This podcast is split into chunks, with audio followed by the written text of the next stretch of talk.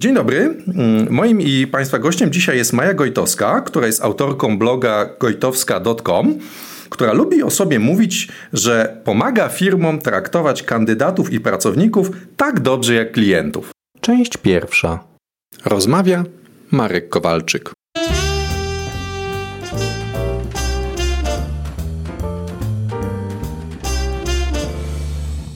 Aby dowiedzieć się więcej, odwiedź mój blog projektynaczas.pl. Tak, tak właśnie jest. Dzień dobry. Dzień dobry. Tematem naszej rozmowy będzie zarządzanie projektami w szeroko rozumianym HR-ze. E, tak, ponieważ ja na co dzień e, współpracuję e, głównie z HR-owcami, szkole, edukuję, prowadzę warsztaty i staram się zmienić troszeczkę ich perspektywę, ich podejście do projektów HR-owych. Ja też kiedyś pracowałem w HR-ze. Było to bardzo dawno temu, pod koniec ubiegłego tysiąclecia. Już to troszeczkę brzmi tak jak w 39, jak Niemcy wchodzili, no ale nie. Więc pewne pojęcie mam i mm, prowadziłem wtedy taki bardzo duży projekt w jednej z firm telekomunikacyjnych, polegający na wprowadzeniu podejścia procesowego mm, do zarządzania e, w HR-ze w twardym i w miękkim. Mm, więc mam jakiś tam ogląd sytuacji, co prawda sprzed wielu lat, no ale jednak. Więc e, Chciałem dzisiaj, Maju, zasięgnąć Twojej ekspertyzy, jeżeli chodzi o zarządzanie projektami właśnie w obszarze HR-u. Wiem, że tam są różne rodzaje. Są projekty rekrutacyjne, rozwojowe, szkoleniowe, brandingowe, employee, co teraz jest? Employee Experience, czyli projekty... Employee Experience i takie tam różne. No właśnie. Mm, I zarządzanie projektami w HR-ze kojarzą mi się dwa, e, mam takie dwa skojarzenia. Jedno skojarzenie, to jest, które bardzo często słyszę, mm, niedawno nawet prowadziłem takie warsztaty, gdzie, gdzie z, z, ze wstępnego definiowania projektu, gdzie ktoś powiedział, no tak, ale to jest projekt HR-owy, to jest miękki, tu nie można ustalić celu, to po prostu to tak, my tak robimy i, i, i to tak miękko, gładko wszystko, jakaś tam, jak, nie wiem, jakaś takie e, ciasto takie, to jest jedno, a drugie, że mm, chyba o, osoby, które pracują w HR-ach raczej nie mają takiego podejścia procesowego z racji swojej osobowości, nie wiem, wykształcenia i tak dalej. Więc e, a zarządzanie projektami no jest jednak pewną sztuką, w której e, też sporą rolę odgrywa takie właśnie podejście, mówiąc brzydko, twarde. No więc właśnie, jak to jest z Twojego doświadczenia?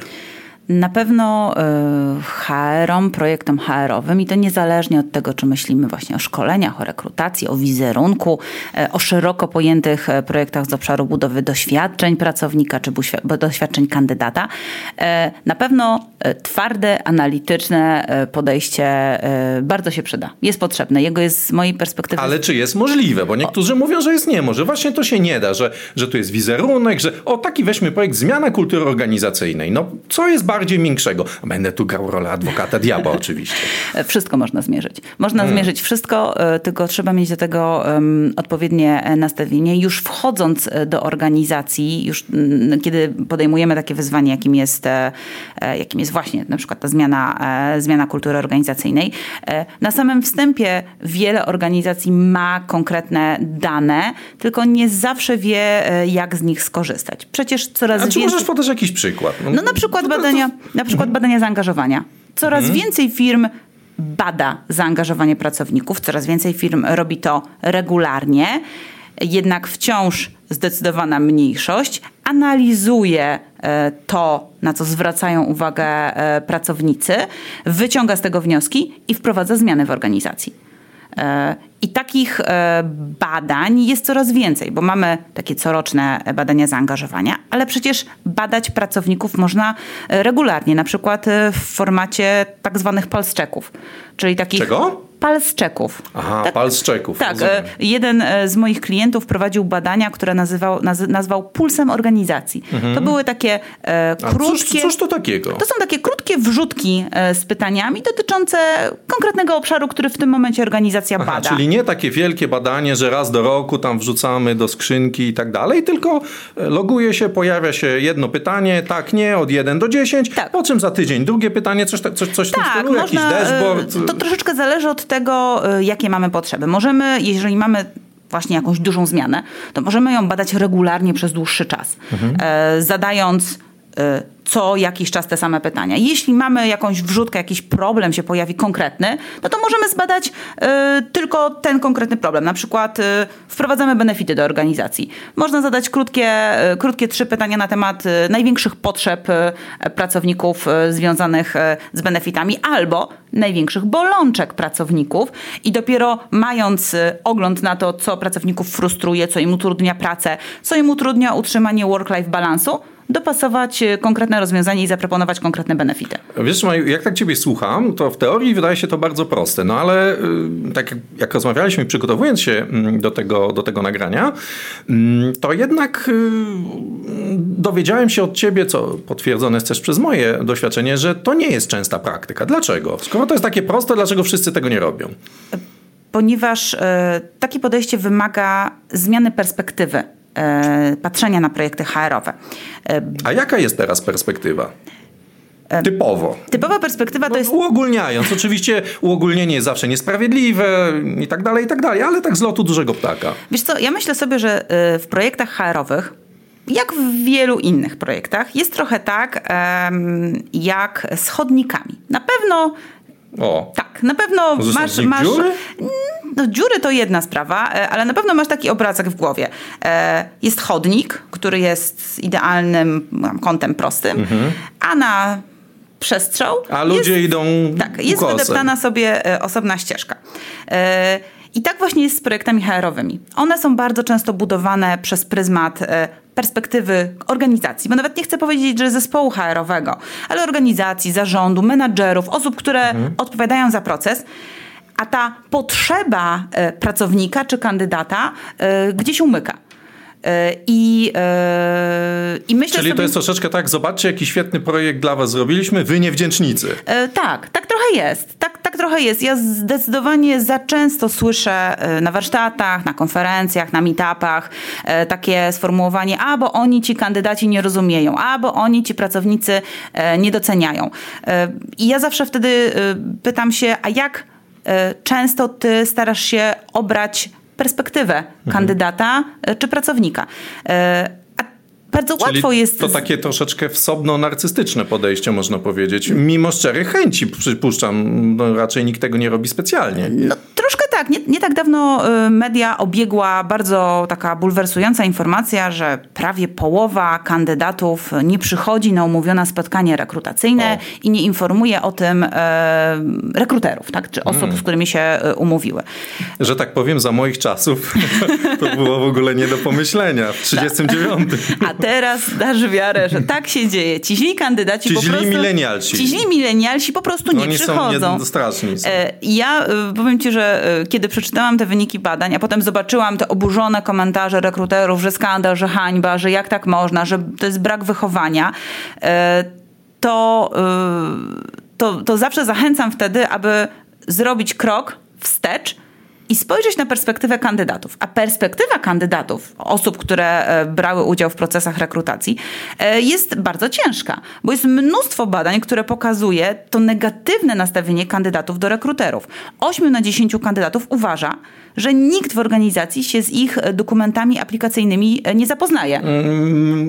Z osobistej komunikacji z, z ludźmi wiem, że to rzeczywiście takie jest postrzeganie. No. Że ja tu wysyłam, nie dostaję nawet żadnej odpowiedzi, wszyscy to mają, nie wiem, gdzieś, w ogóle nie wiadomo, No tak, dzieje. 80% kandydatów uważa, Tudzież że... ten zapis odezwiemy się tylko do wybranych kandydatów, a, pozostali co? A wiesz, Na co jest bambus? a wiesz, co jest najsmutniejsze? No. Że bardzo dużo e, HR-owców uważa, że właśnie ten automatyczna e, wiadomość, odezwiemy się tylko do wybranych kandydatów, czy skontaktujemy się tylko z wybranymi osobami, e, to jest informacja zwrotna. Ojej.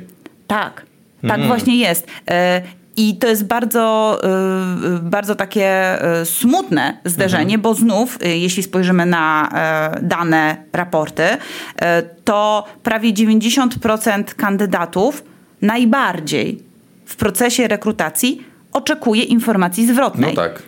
Ale... Ludzie się starają, to jest dla nich coś ważnego. Tak. Każdy się... chce się czuć zauważony przynajmniej Oczywiście. z takiego psychologicznego A jeśli jeszcze e, nałożymy na to jeszcze jedną perspektywę, czyli to, że e, jedna trzecia kandydatów średnio poświęca na przygotowanie dokumentów aplikacyjnych godzinę lub więcej mhm. i zderzymy do danej firmy, nie, do danej, nie, nie, nie, do danej firmy i zderzymy to z czasem, który rekruter ma na przeanalizowanie aplikacji, niech to będą przy dobrych wiatrach dwie minuty. No tak no to ten wysiłek versus czas na ocenę no działa mocno na niekorzyść kandydata. Trudno się dziwić, że on oczekuje jakiejś informacji zwrotnej od, e, od, e, od rekrutera. E, no i teraz rekruterzy uważają, że dają tą informację zwrotną, kandydaci mówią, że jej nie otrzymują. Ktoś tutaj oszukuje troszeczkę. No, bo po prostu myśli inaczej. Dobrze, Maju. Czyli omówiliśmy teraz taki temat pod tytułem cele projektu e, i w HR-ze i powiedzieliśmy o dwóch aspektach. Jeden aspekt to jest aspekt mierzalności, który tak troszeczkę się prześliznęliśmy. Ja bym cię chciał troszkę mhm. jednak jako eks ekspertkę, ekspertę. Tak, eksper ekspertkę. Eksper Eksperta, ja mogę być ekspertem. Dobrze. Mm, e, to jeszcze bym cię mhm. chciał tą mierzalność przycisnąć. Drugie to jest, mówiliśmy o perspektywie, czyli tak. troszeczkę to, to głębiej mm, zbadaliśmy. No to, to wróćmy do tej mierzalności. Jak można mierzyć, e, no, no bo wiesz, można dać ankietę pod tytułem jak jesteś zadowolony z... Jak oceniasz ogólną zajebistość naszej firmy w, w skali od 8 do 12? No można mhm. dać takie pytanie, czyli, czyli istnieje dobre mierzenie i złe mierzenie. Można zadawać y, dziwne pytania. No w socjologii jest przecież cała, cała w ogóle dziedzina wiedzy poświęcona y, mierzalności, badalności. Tam się mówi o y, construct validity. No, no, no jest, bo to po prostu ludzie to latami badają, więc mm, jaka jest z jednej strony chęć, badania, a z drugiej strony jaka jest umiejętność, bo no właśnie. E, po pierwsze, zespoły HR nie widzą potrzeb badania. Po drugie, e, zespoły HR obawiają się kosztów związanych z mhm. badaniem. E, po trzecie. Z badaniem, czyli pomiary. Tak, z pomiarem. Mhm. Po trzecie, zespoły HR bardzo często obawiają się czasochłonności procesu mhm. e, związanego e, z Ale badaniem. Ale czasochłonności co, że, że, co, że potem to Przygoto podliczyć? Przygotowanie czy... badania, podliczenie, przeanalizowanie, e, przeanalizowanie wyników. No a prawda jest taka, że to ani nie jest drogie, ani przy dzisiejszych narzędziach bardzo często e, darmowych nie jest no czasochłonne. Tak. Jakieś survey monkey można zrobić, czy coś Oczywiście. takiego? Oczywiście, survey monkey to jest świetne narzędzie. Nasza polska web ankieta, e, też bardzo fajne mhm. narzędzie, które pozwala na tworzenie wielu, wielu fajnych ankiet. A ja sobie myślę, że no zawsze jakakolwiek informacja zwrotna od naszego odbiorcy na temat tego, co robimy, jest cenniejsza niż nasze domniemywanie. Zresztą w HR uczymy, czy uczyliśmy, czy ty, ty może bardziej jak kiedyś, no w ogóle prowadząc e, szkolenia z pracy z zespołem projektowym, umiejętność dawania informacji zwrotnej to jest podstawowa umiejętność. Poza tym, no, e, jak mam się poprawić, jeżeli ja w ogóle nie wiem, jak mi poszło. I... Tak. No właśnie, i tutaj się, mm, tutaj wysuwa mi się taka hipoteza, wiesz, że jedna hipoteza to jest taka, że e, ludzie nie widzą potrzeby, druga jest taka hipoteza, że nie wiedzą jak, trzecia, którą powiedziałaś, że obawiają się, a mi gdzieś tam, kurczę, w tyle głowy jest jeszcze jedna. Jak nie ustalę celu i go nie mierzę, to zawsze mam sukces, bo podjąłem, bo y, wydałem budżet i podjąłem działania, podjąłem, podjęłam. Ja się z tobą bardzo zgodzę. Więc sukces jest gwarantowany. E, wiesz co, ja e, kiedy e, wiosną tego roku pisałam książkę właśnie poświęconą doświadczeniom kandydatów i przygotowując materiał do tej książki rozmawiałam, rozmawiałam z Konstancją Zyzik, która odpowiada za działania HR-owe w Grupie Pracuj. Mhm. To jest organizacja, jak to się mówi ładnie w Staropolszczyźnie, data driven, tam rzeczywiście bardzo mocno mierzą. E, I Konstancja zwróciła moją uwagę na to samo, o czym ty mówisz. E, na to, że wygodniej jest nie mieć celów. Oczywiście. w procesach HR-owych, e, ponieważ wtedy nie musimy być z nich rozliczani. Oczywiście. A jeśli postawimy sobie cele, to nasza praca będzie w sposób mierzalny oceniana. I to jest. A tego byśmy nie chcieli. No, wiesz co ja się tego trochę dziwię, bo przecież e, dużo łatwiej jest wprowadzać zmiany, jeśli wiemy, co mamy zmienić, a nie strzelać na ślepo. E, myślę sobie, że takie wprowadzanie kolejnych zmian, e, czy to w projektach wizerunkowych, czy to w projektach rekrutacyjnych, czy w komunikacji wewnętrznej i takie ciągłe e, słyszenie gdzieś tam z wewnątrz organizacji czy od menadżerów, że o, ten HR znowu sobie coś wymyślił, a to wcale nie działa, może być też bardzo frustrujące dla e, zespołów HR-owych. A jeśli mamy konkretną liczbę, mamy informację, że x procent naszych kandydatów uważa, że proces rekrutacyjny powinien być krótszy, no to dużo łatwiej jest też przekonać osoby, na przykład menadżerów e, z biznesu, którzy współuczestniczą no, w procesie a potem e, przeprowadzamy interwencję i rzeczywiście oceniamy, czy on jest krótszy, czy on Tak. nie jest krótszy. Pół głowy myjemy jednym szamponem przez dwa tygodnie, pół głowy drugim, no i patrzymy, Patrzymy, jakie są wyniki. Tak, jakie, jakie są tego wyniki. E, I w taki sposób można podchodzić absolutnie do każdego działania HR-owego, łącznie z wrzucaniem postu zapraszającego do udziału w rekrutacji, na przykład na LinkedInie. Tam Mhm. również to można mierzyć, tam wręcz należy to mierzyć, e, bo może się nagle okazać, że to jest działanie nieskuteczne, bo po prostu naszej grupy odbiorców tam nie ma i powinniśmy e, nasz wysiłek skierować w zupełnie inne miejsce. Albo przeciwskuteczny, bo odstrasza. Chociaż nie wiem, czy LinkedIn może odstraszać, no ale w najgorszym przypadku może odnosić efekt odwrotny. E, Myślę że, myślę, że LinkedIn e, nie może, raczej nie odstrasza, ale treść naszej wiadomości, czy sposób, w jaki została e, skonstruowana, może. No tak. E, Nie tak dawno widziałam e, komentarz na LinkedInie e, programisty, e, który otrzymał zaproszenie e, do udziału w procesie rekrutacyjnym napisane kodem. Tak jakby było ono zakodowane. No wydawać by się mogło, prawda, że taki fajny Fajne, pomysł, tak. prawda, że programista, wiadomo, jest napisana kodem, wszystko się zgadza, prawda?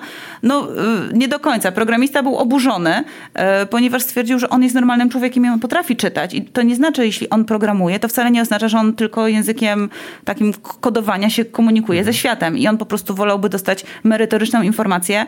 e, Co, jak, o co chodzi konkretnie. Tak, i on wtedy byłby dużo bardziej zadowolony. Wiesz, Maju, kiedy tak y, prowadzimy te rozmowy o celach i o ich mierzalności, o jakichś liczbach, mm, zaczynam się zastanawiać, tak wchodząc w, troszeczkę w swoje dawne buty y, też HR-owca, czy y, osoby o takim właśnie nastawieniu bardzo empatycznym, bardzo na relacje, czy one nie, nie uznają tego, że to jest pojęcie, podejście bardzo dehumanizujące, że jak my tak każdego chcemy zmierzyć, opisać, że to zabija naszą kreatywność, że to ludzie się tak nie poddają takiemu mierzeniu i że to jest w ogóle no, no, no. Z punktu widzenia wartości nawet, nie z punktu widzenia, wiesz, przekonań i tak dalej, tylko głęboko zakorzenionych wartości, że to jest takie niehumanistyczne, niehumanitarne wręcz może. Ale zwróć uwagę, że e, takie wejście w buty e, naszego odbiorcy, taka bardzo empatyczna postawa, takie zastanowienie się, jaki jest punkt wyjścia naszego odbiorcy, e, jest podstawą jednej z najbardziej kreatywnych metod e, tworzenia usług i produktów, jaką jest design thinking. E, Tam też ogromną część procesu poświęca się właśnie na analizę, czego potrzebuje nasz odbiorca, jakie są jego problemy. I jasne, możemy to zrobić e, w sposób e, wewnątrz organizacji, możemy to zrobić właśnie badaniami, ankietami, ale jest przecież ogromna, ogromne pole do popisu w badaniach e, jakościowych. No właśnie, to też jest osobna dziedzina wiedzy, wywiady ustrukturyzowane, potem analiza danych tekstowych. Tak. No tak, ale pytanie, czy ta wiedza, jak to robić, jest rzeczywiście rozpowszechniona w organizacjach, a jeżeli nie, no to jak ją można uzyskać? Jest coraz więcej organizacji, które właśnie w taki sposób e, podchodzą do e, tworzenia e, projektów HR-owych. Wspomniany przeze mnie, wspomniany przeze mnie Grupa Pracuj. Nie tak dawno rozmawiałam z koleżanką z Banku Credit Agricole, która opowiadała mi o bardzo fajnym, takim jakościowym podejściu do analizy problemów pracowników. Takich firm jest coraz więcej. Niemniej to bez wątpienia jest duże wyzwanie dla HR-owców. I teraz skąd czerpać wiedzę? Na temat, e, na temat takiego podejścia do zarządzania projektami. Ja zawsze zachęcam do wyjścia z HR-owej strefy komfortu e, i poszukania inspiracji choćby w działaniach marketingowych, e, które mierzenie, analizę potrzeb, badania już dawno oswoiły i wykorzystują e, regularnie, a przecież od marketingu do HR-u jest naprawdę niedaleko. Czasami na tym samym piętrze. Czasami na tym samym piętrze, tylko niestety budżety troszkę inne. E, A e, nie wiem, czy się ze mną zgodzisz, ale ja osobiście dzisiaj nie widzę absolutnie żadnej różnicy między kandydatem czy pracownikiem, a klientem. Okej, no właśnie, czyli podsumowując naszą rozmowę, wydaje mi się, że takie, taka myśl mi naszła, że, że dobrze by było, żeby w każdej organizacji, która przeprowadza, planuje przeprowadzić jakieś projekty HR-owe, czy to mm, bardziej standardowe, jakieś akcje rekrutacyjne, czy to mniej standardowe, jakieś projekty rozwojowe, dobrze byłoby, żeby był taki nadworny mierniczy, jakiś analityk HR-u, taki, który nie jest tylko twardym analitykiem płac, który tam w Excelu kto ile punkty heja przelicza na, na złotówki, ale taki człowiek, który mm, ma wiedzę na temat pomiarów w naukach społecznych. Czy, czy, czy to ci się wydaje być jakimś sensownym pomysłem? Czy tak, to... tak, to jest bardzo sensowny pomysł, ale jeśli na przykład stworzenie takiego etatu, czy wy, wyłączenie części obowiązków z osoby, która jest w zespole e, jest po prostu trudne albo niemożliwe, to ja zawsze zachęcam do zwrócenia się o pomoc do innych działów. W końcu zespoły takie cross-funkcyjne, mhm. E, międzydziałowe są dzisiaj przyszłością biznesu no i dobry HR-owy projekt powinien być zarządzany ok, powinien być zarządzany przez HR, ale jego e, uczestnikami e, powinny być e, osoby z innych działów, właśnie z marketingu, e, z działu analitycznego, ze sprzedaży, z IT. W zależności od tego, co realizujemy, zachęcam do tworzenia zespołów cross-funkcyjnych i korzystania z wiedzy, którą już osoby w naszej organizacji mają. Okej, okay, Maju, to mniej więcej zamyka część pierwszą naszej rozmowy, gdzie mówiliśmy o, o celach, mm, ale tak jak wspomnieliśmy na początku, nie samymi celami projekt żyje. Ciąg dalszy w części drugiej. Rozmawia Marek Kowalczyk. Aby dowiedzieć się więcej, odwiedź mój blog projektynaczas.pl.